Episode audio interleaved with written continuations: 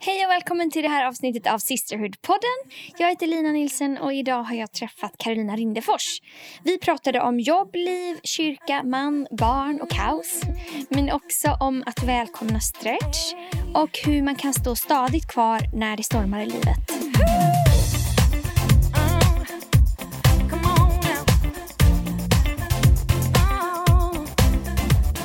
Idag har jag fått komma hem till en god vän till mig som heter Carolina Rindefors. Eh, tack för att jag får komma till dig, Karo. Kul att du är här. Tack. Tack för teet. Varsågod. alltid, alltid en bra start. Eh, vad drog du ditt första andetag? På Södersjukhuset i Stockholm. Inte, inte långt härifrån där jag bor nu. Så du är en av de få eh, stockholmare som en, jag känner som är en riktig stockholmare. Ja, som kommer härifrån. Riktigt local. Faktiskt. Mina barn, båda barn är födda där på Södersjukhuset nu också. Så. Oh, vilken tradition. Mm. Ehm, har du växt upp i kyrkan? Mm. Jag växte upp med en familj som är troende, mina föräldrar. Eh, jag tror att jag skulle säga att jag började tro på Jesus ganska tidigt, när jag var sju, sju åtta år. Det har alltid liksom varit en, en naturlig del i mitt liv. Så. Mm. Mina föräldrar har alltid haft det som en så central del i vår, min uppväxt och hur vi bygger vår familj. Och att gå till kyrkan har alltid varit en prio liksom, på söndagar. Och det har format mig jättemycket tror jag. Har du alltid tyckt om att gå till kyrkan? Ja, men jag kan inte komma ihåg... Alla, liksom så här, sen uppe i tonåren kanske man började ha lite mer åsikter men hela liksom, min barndom och tidigt tonår, jag älskade det. Jag tyckte det var jättekul. Sen så var det liksom inte så mycket att orda om utan vi, vi gick till kyrkan på söndagar. Så. Eh, och mamma och pappa gjorde mycket uppoffringar för att det skulle vara en prio för oss att vi skulle få vänner där och åka på läger och gå på tonårssamlingar och allt sånt. Mm. Ehm, lämnade du någonsin kyrkan eller eh, har du hela tiden stannat kvar? Ja, nej men det blev nog en period därefter som eh, jag tror att jag behövde liksom göra det till mitt eget, 100 procent. Eh, jag hade med mig jätte, jättemycket hemifrån och jättebra upplevelser av Gud i kyrkan. Men eh, sen efter gymnasiet där så blev det, gick jag lite andra vägar liksom, och eh, gick inte till kyrkan på, på ganska många år. Så. Lämnade du tron eller lämnade du kyrkan? Nej, men jag skulle inte säga att jag lämnade tron. Eller jag skulle inte, Gud var alltid med mig. Jag kände, kände det så.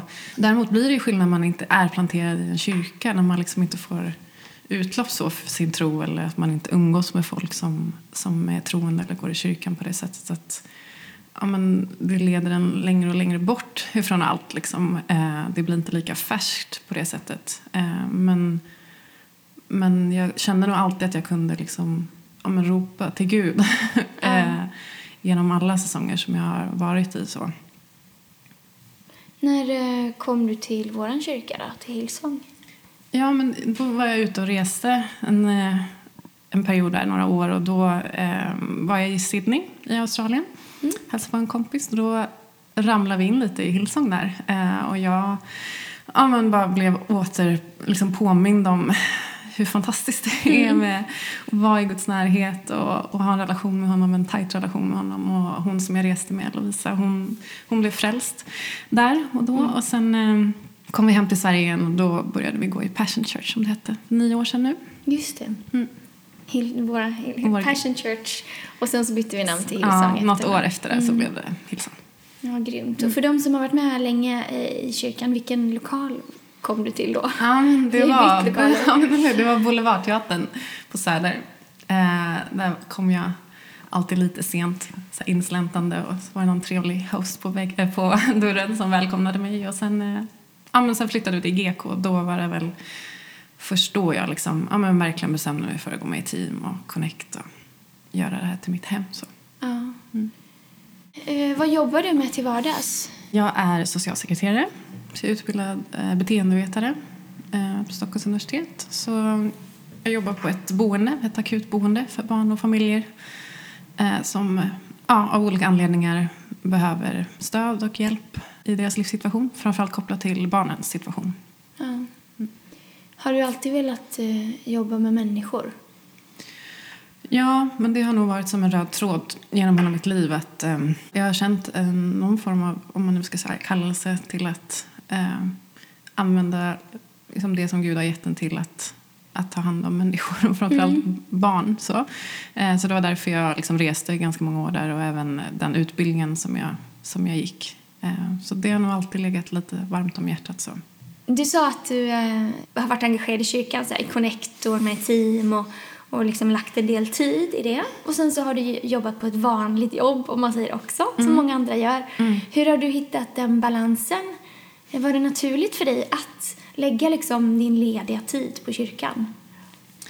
Men jag, för mig var det så starkt när jag började i kyrkan att ja, men som vi brukar prata om, att hitta liksom sitt kas. Varför, varför gör jag det här? Liksom att leva för, leva för någonting större och leva för andra mer än bara sig själv. Att när det drabbar en själv så hårt att man upplever Gud och upplever hans kärlek, då blir det så Äh, men det här, jag, jag, bara måste låta det här få påverka mitt, mitt liv och vara med i team. Och det är klart att det, det tar tid. Eh, ibland, och när man har ett vanligt jobb så får man nog, det kan ju vara olika hur flexibelt det jobbet är. Men för mig tycker jag det har funkat liksom, i olika säsonger att ändå eh, ja, men vissa saker kanske går att få till på en lunch eller sådär. Men också att prioritera tror jag. Alltså att på kvällar att ja, man behöver kanske inte göra som alla andra, mm. alltid. Mm. I allt att man behöver kolla Netflix-serier fem dagar i veckan.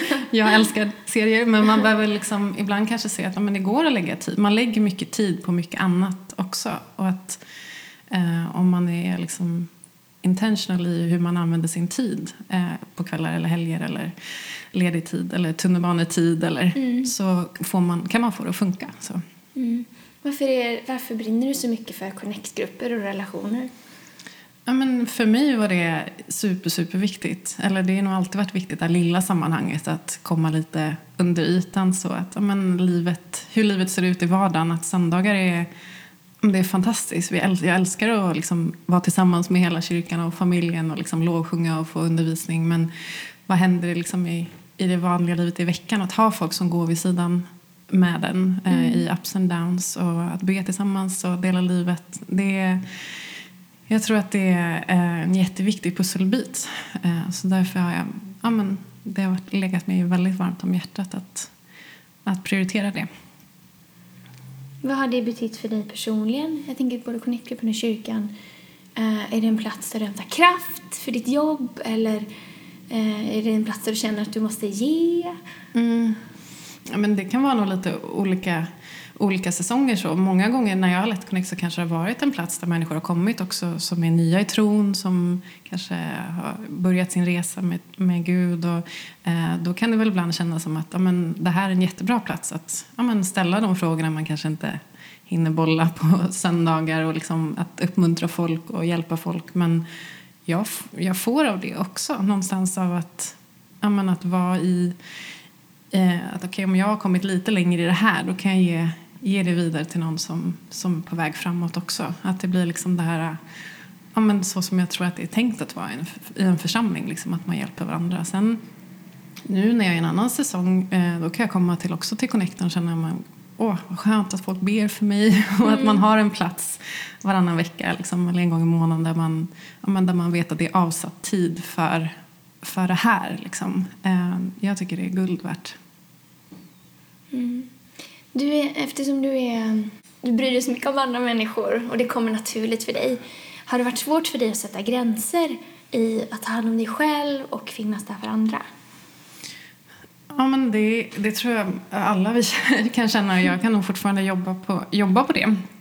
Jag har försökt att tänka mycket så här, men vad är min, min grace zone? Eh, liksom, det här är det som kanske Gud har kallat mig till och ger mig kraft och nåd för. Och så försöka att liksom operera inom för den zonen av, av nåd. Liksom. Eh, sen kan man nog säkert göra massa andra saker också men det är lätt att då blir det lite mer egen styrka och det är då jag tror att det sliter lite mer på en själv när man kämpar i egen kraft och liksom man kanske tar på sig saker som man vet kanske men det här kanske inte var helt liksom, rätt så. Sen så tror inte jag alltid, jag brukar ofta tänka bara för att det är liksom det, är inte, det behöver inte alltid vara lätt, men det kan vara rätt ändå. Mm, liksom. Att man ändå måste, det är ett visst sacrifice eller ett visst offer att, att, äh, att göra vissa saker. Men att ändå vara noga med att ja, det här är det som Gud har kallat mig till och då ska jag försöka göra det väl. Liksom. Och, äh, och sen tror jag ibland att man behöver sätta lite gränser. Att okay, men kan jag nu kanske jag har följt med den här människan en viss resa, liksom en viss bit på resan. Mm. Eh, och det kanske tar lite extra av mig under den här perioden. Eh, men sen att, ja, men att inte peka allting mot sig själv hela tiden utan när man pekar mot Gud och pekar till andra människor som man tror att den här personen kanske skulle må bra av att vara kring. Liksom att allting inte blir centrerat kring en själv hela tiden. En viss period kanske är det i början men sen att bara peka dem framåt och peka dem mot Gud, liksom mot kyrkan och så. Mm. Så brukar jag försöka tänka. Sen försöka be om vishet. Det gör jag jämt. det är mitt så favorit. Nej men att verkligen så här, okay, jag vet inte. Hur jag ska, vad är nästa steg här? Eller var går gränsen här? Att, ja, men innan man ringer ett samtal bara, okej okay, Gud. Han vill ju ge oss vishet liksom, och kraft. Så att eh, våga be om det. Mm. Vad stod det? I Jakobs brev 1 så står det att ja, men Gud vill ju ge vishet utan förebråelse. Alltså mm. utan någon gräns. Liksom. Utan att han, han, vill bara ge, han vill ge. Så att det är bara fråga om det. Fy vad skönt. Ja, vi pratade om det innan vi ja. satte på inspelningen här. um, men svarar du i telefon på alla, uh, alla timmar om dygnet eller stänger du av telefonen? Nej, men uh, jag har blivit bättre på att stänga av uh, ibland och sätta på ljudlös på nätterna. Och Ja, men så när, nu när man har barn att stänga av när man går och hämtar på förskolan. Där har du lärt mig det. Ehm, och att, nej, men att försöka hitta så här, Jag tror att man blir bättre då också på tal om liksom gränser och att funka i olika säsonger när man är olika roller om man nu ska säga så. Att så här, våga göra det man gör bra. Liksom. Att, okay, men nu är jag, man är mamma hela tiden, man är ledare hela tiden, man är fru och liksom så. Men att okay, men nu är jag nu är jag med mina barn och försöker göra det ganska hundra procent. Och sen när man ska ta ett annat samtal då kan man försöka göra rent lite i kalendern för att göra det bra. Mm. Och sen att liksom avsätta tid. Nu, nu har jag fokus på min man. Eller liksom att försöka eh, liksom sätta fokus ibland på vissa saker. För ibland blir det så lätt att man bara känner att men jag, jag lyckas inte med något. Eller jag gör allt lite halvdant. Ja. Liksom. Eh, så att man, eh, jag vet inte. Försök, jag försöker lära mig det i alla fall. Att sätta, lite, sätta upp lite sådana gränser. Okej, men om vi ska backa lite då. Eh, du pratar om att du är man och barn och sådär, så nu vet vi det. Men, men, när du kom till kyrkan från början, då var du singel, mm. typ. Då kom typ, vi pratade, jag vet inte om du mm. dejtade någon, men du mm. hade inte träffat David i alla fall Nej. som var din man. Kommer du ihåg hur det var när du träffade honom? Ja, men jag såg honom på scen. Han I spelade kyrkan? i kyrkan, ja. på GK. Han spelade piano ja. på scen. Grymt. Mm. Tyckte du han var snygg? Ja, ja, ja, det är ju någonting med killar som spelar instrument. Nej, men jag, jag, jag tyckte han var Men sen var det ju mer um, när vi började lära känna varandra. Han var grym på att ordna liksom, fester och after church och vi började hänga i samma gäng och, och lära känna varandra. Så, mm. så det, det började, började lite sådär på avstånd. Så. Mm. Vad var det som gjorde att du föll för honom? Eller föll du eller fick han jobba lite? Nej, men han försökte nog jobba på ett sätt liksom han skulle ja, men jag vet inte, imponera lite, så här, komma med sin coola bil och visa upp sitt jobb. Och jag var inte så jätte, jätteimponerad. så. Men sen när, liksom, när man började skrapa på djupet, eller skrapa på ytan så såg jag jättebra kvaliteter liksom, av att, ja, men wow, vilka han älskar Jesus och han har så bra värderingar, jätte så här, generös och driftig och ja, men också liksom det här med att ha någon att dela livet ihop med både liksom, alltså, vad man är, vill, att man har mycket ambitioner men också att man verkligen vill tjäna Gud och eh, ha det som en central del. Då blev det här plötsligt lite mer intressant när jag, mm. när jag fick se de sidorna och hans ja, men hans mjukare sidor. när vi bad ihop och sådär. Så det, det, då blev det liksom en liten eh, det var intressant. De försöker visa upp sina coola och, och, och snygga sidor och sen så är det liksom inte det som Nej. de flesta faller för. Nej. Utan det är när man ser vad som finns på insidan, eller hur? Mm, verkligen. Så då eh, förlovade ni er mm. efter ett tag. Mm. Blev tillsammans kanske först. Mm. förlovade er, gifte er. Ja. Um, och hur länge, hur länge har ni varit gifta nu? Nu har vi varit gifta sedan 2013. Så fyra år. jag ville säga fem, men vi är på väg in i det femte året. Fyra år i maj. Ja. Och så har ni hunnit få två barn mm. under den tiden. Bra jobbat. Ja, tack. har det varit intensivt? Ja, men det är ju såklart med två barn. Så. Men eh, jag tror vi båda kände när vi liksom, ja men framförallt vid förlovningen så var vi ganska så här, nej men nu är vi vi är så klara, nu kan vi gifta oss imorgon. Mm. Och Eh, det fanns liksom inte, vi är ju båda inte äldre, men vi kände väl båda så här, nej men vi, vi vet vad vi vill och vi vill bilda familj och liksom så. Så Mm. det har känts ganska naturligt faktiskt. Ni vill båda liksom leva för Gud och bygga kyrkan och sådär, pratar om. Mm. Hur, har det sett likadant ut för er? Eh, Ert liksom engagemang och hur ni lägger tiden? Nej men det har det inte riktigt så. Vi, eh, jag som sagt blev ju väldigt engagerad ganska snabbt. Och för mig när det gäller, när det gäller tjänande så har det varit mycket kopplat till kyrkan. Liksom, att ja, men vara med i team och eh, bygga connect och leda connect och liksom den biten. Medan David har också varit med i team men har lagt mycket tid på sitt jobb och, och eh, den, den världen om man säger så. Jag tror i början hade vi lite sådana här eh, diskussioner kring, ja, men, eller jag kunde vara lite omogen i det, så här, men kan du inte vara med mer? och liksom så här, så här gör man. Eh, men han är ganska trygg i sin tro liksom, av att nej, men jag känner Gud vad jag än är. Liksom, och han lärde mig ganska mycket av att så här, men våga, våga vara där du är och använda det du har i din hand där. Och sen så inte vara så var så rädd att det måste se ut på ett visst sätt. Så. Sen så eh, märker man att Gud är med i det liksom, och välsignar det. Och, och han har liksom gåvor som används i kyrkan på ett sätt som inte hade varit om man inte hade satsat på, på sin liksom, jobbkarriär där han kände att Gud kallade honom till. Så, så att, eh, det, det är inte liksom att vi går och håller varandra i handen hela tiden i kyrkan på söndagar utan ja, men vi, eh, det ser lite olika ut. så. Mm, var det stor förändring för dig att bli mamma? Ja, men det var det. Jag tror att alla förändringar är så, oavsett om man Ja. liksom byter jobb. Man får bara försöka se så här, jobba med förändringen och inte mot den. Men det var stor förändring.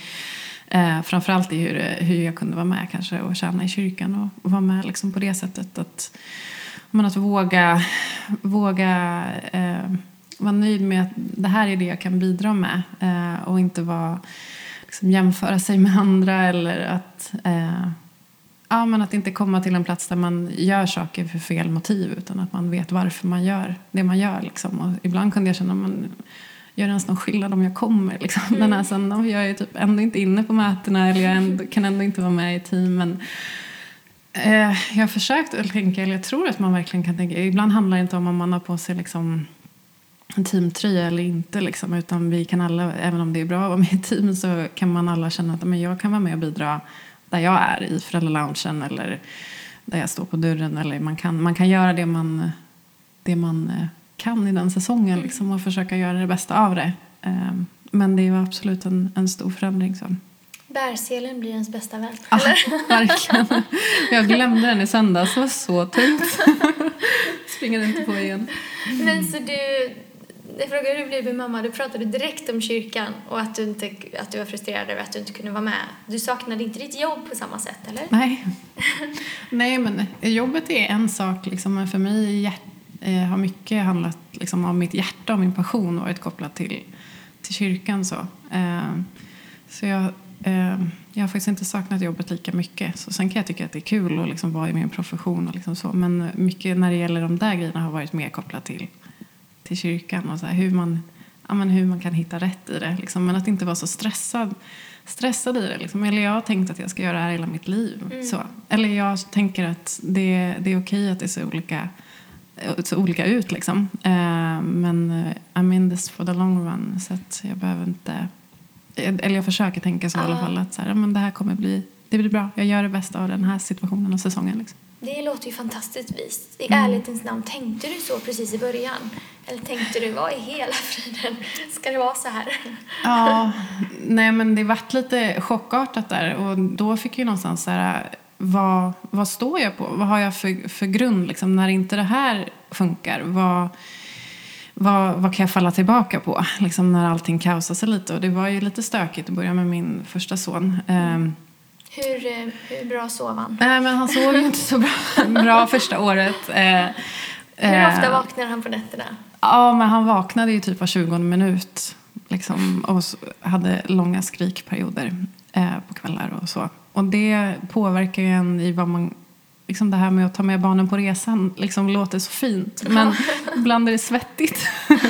När man, jag hade liksom en annan bild kanske av hur man skulle göra det. Att kunna ta med barnen på resan. Så då fick jag liksom någonstans bara, okej, börja om från scratch. Och så här, okej, men vad vad är viktigt? Vad har jag fått för uppenbarelse kring vad, hur jag vill bygga mitt liv? Liksom, och försöka hålla mig till några få som jag liksom, okej okay, det här kommer jag inte tumma på i den här säsongen mm. heller. Um, Vilka saker var det?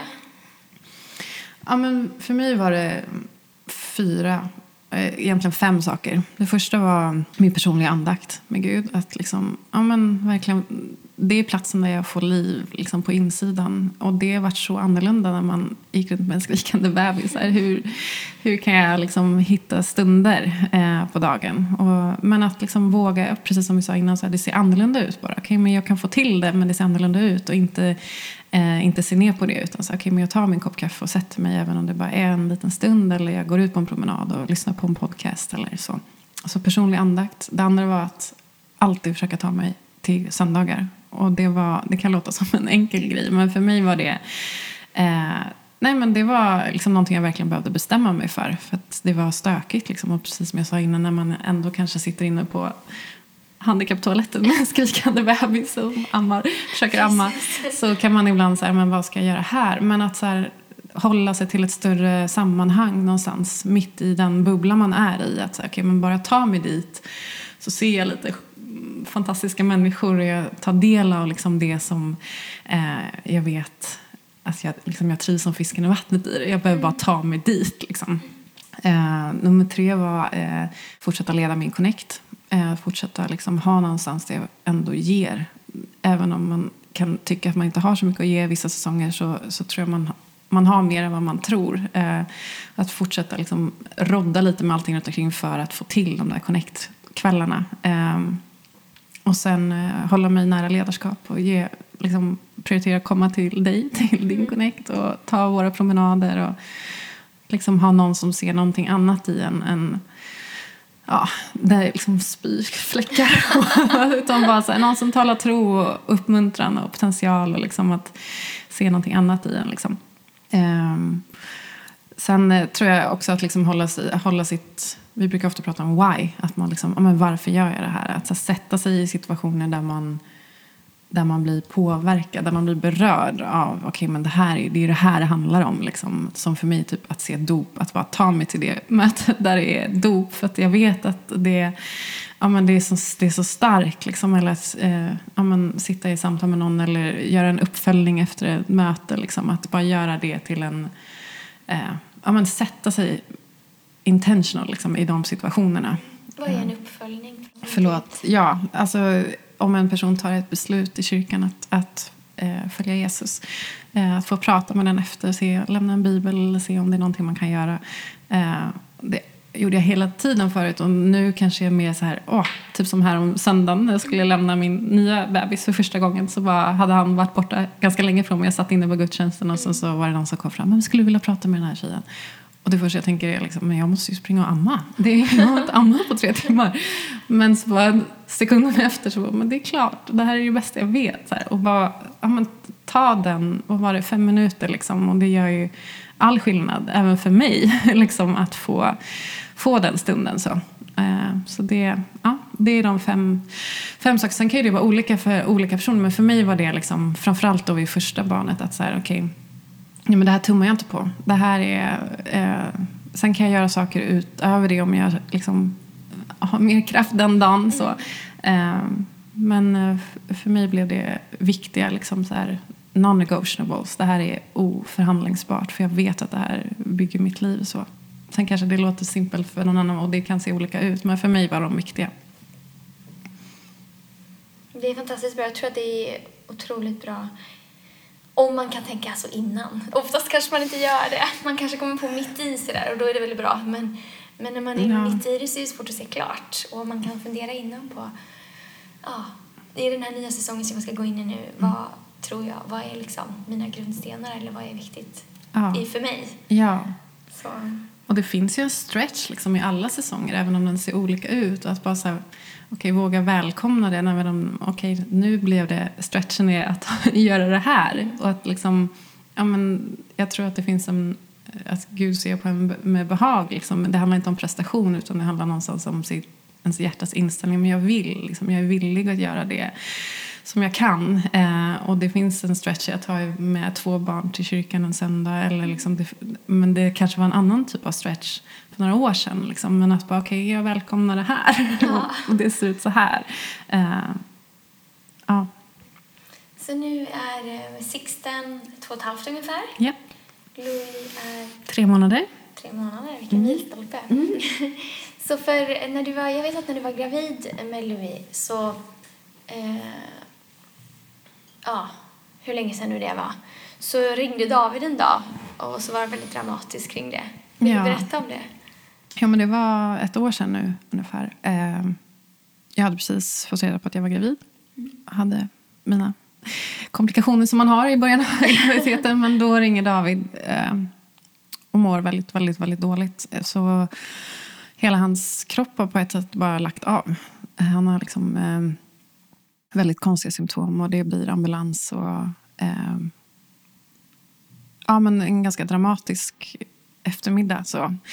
Eh, han, han kraschade ganska rejält och fick liksom det som kallas utmattningssyndrom. Eh, sprang in i, rakt in i en vägg. Liksom. Eh, och det blev ju såklart som en, en chock. Så. Precis som du sa, jag var gravid och vi hade en tvååring. och håller på att bygga hus. Och, ja, men allt man gör med kyrka och allt man, man håller, håller på med. Liksom. Mm. Eh, så det blev en liten eh, en ny resa som påbörjades där, mitt i livet. Ja, en ny säsong som man inte valde helt. Nej. kanske.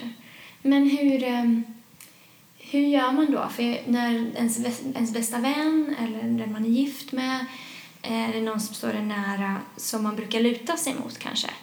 Hur gör man när man känner att man kanske inte kan luta sig mot den lika mycket mm. eller inte är sig själv? Nej, men det är såklart. Jag tycker det var jättesvårt att se, se honom må dåligt. Så. För man, man vill kunna hjälpa folk och man vill liksom försöka avlasta så mycket man kan. Och när jag, man såg ju verkligen, det var ju, blev ju en gräns i vad han kunde göra och inte göra. Eh, eh, och därför igen får man liksom, tror jag, landa tillbaka i de här, vad vi har byggt vårt liv på. Liksom att när vårt äktenskap är inte byggt på vad vi kan prestera för varandra i exakt varenda månad. Liksom, utan vi står ju på en andra, ett annat commitment. Liksom. Mm. Uh, och även liksom, bara att stå med båda fötterna i kyrka och veta att man har Gud och att man har ett nätverk. Alla de sakerna var så avgörande för oss i den, i den säsongen. För det blev ju uh, en tuff säsong. Liksom. Och min graviditet blev ganska komplicerad också, in och ut från sjukhus. Liksom, och att bara, jag vet inte vad vi skulle ha gjort om vi inte hade haft Gud. Liksom. Vi kände mm. jättetydligt att han bar oss liksom, mitt i den... Och vi är fortfarande såklart på den resan. Det är ingenting som går över så snabbt. Men det är fantastiskt. Jag och David pratade om det här om dagen liksom, När man bara ser tillbaka och bara, okej, okay, men wow. Gud var med i det här och det här och det här. Och saker som kanske någon tyckte var små saker. För oss var det ja, men verkligen bönesvar. Liksom, mm. att, eh, men det är en tuff situation att gå igenom. Jag tror många så högpresterande människor har ibland eh, kan hamna där. Liksom. Eh, och vi har lärt oss jättemycket av den perioden också. Alltså, mm. men hur, hur vi vill bygga vårt liv. Och, och är väldigt framförallt tacksamma över att vi har byggt det på ett visst sätt innan. Och på tal om de där fem grejerna. Ja. Att liksom igen då, så här, men vad är viktigt nu igen? Det är, liksom, det är, ingen, det är en färskvara att hela tiden, okej okay, fast det här är vår standard. Det här är så, det här är så vi vill eh, bygga vår familj. Så. Om du skulle ge ett råd till dig själv för tio år sedan, mm. vad skulle du säga då? Ja, men jag skulle nog ändå försöka lätta upp det lite. ta, det, ta, det, ta det inte så allvarligt allt som du går igenom. Eh, och jäm, inte jämföra sig så mycket. Utan liksom springa, spring ditt eget lopp. Mm. Fanns det någonting som du trodde när du var yngre som du bara skrattar åt nu och inte alls blev som du trodde. så du bara, hur tänkte jag egentligen? Det blir bättre sen kanske. Nej, men lite så att så här, man tänker alltid att man ska, eh, man längtar till nästa säsong. Eller så här, man, när man är eh, går i lågstadiet vill man gå i mellanstadiet ja. och sen vill man gå i gymnasiet och sen vill man ta studenten och sen, nej men att det är lätt att man liksom, att våga leva 100% där man är. Och så här, är man singel, att vara 100% där. Mm. Liksom. Och när man är förlovad, njut av det. Även om man bara längtar efter bröllopet. Sen när äktenskapet är med barn och ja men du vet alla, om man nu ska säga steg. Liksom, att bara våga, våga vara 100% där man är. Eh, så gott det går. Sen är man ju alltid lite kanske, man längtar efter framtiden, man drömmer och det är fantastiskt. Men där skulle jag nog, det skulle jag nog säga till mig själv. Så, ta det lugnt, det kommer. Var där du är liksom. För att jag fick prata med dig idag. Tack själv. Jag älskar att jag får sitta ner med alla de här härliga tjejerna och vanliga tjejerna som delar med sig av vad de har och det de har lärt sig och varit med om. I Carolinas fall så imponeras jag väldigt mycket av hennes stabilitet. Hon fortsätter framåt, om det går fort eller långsamt så fortsätter hon i alla fall framåt genom varje säsong. Och det beror nog på hennes stadigt byggda grund. Så, frågan är, vilka grundstenar bygger du ditt liv på? Vilka är dina non-negotiables just nu? Och i den säsong som du är nu, vad kan du ge till andra? För du har mer att ge än du tror.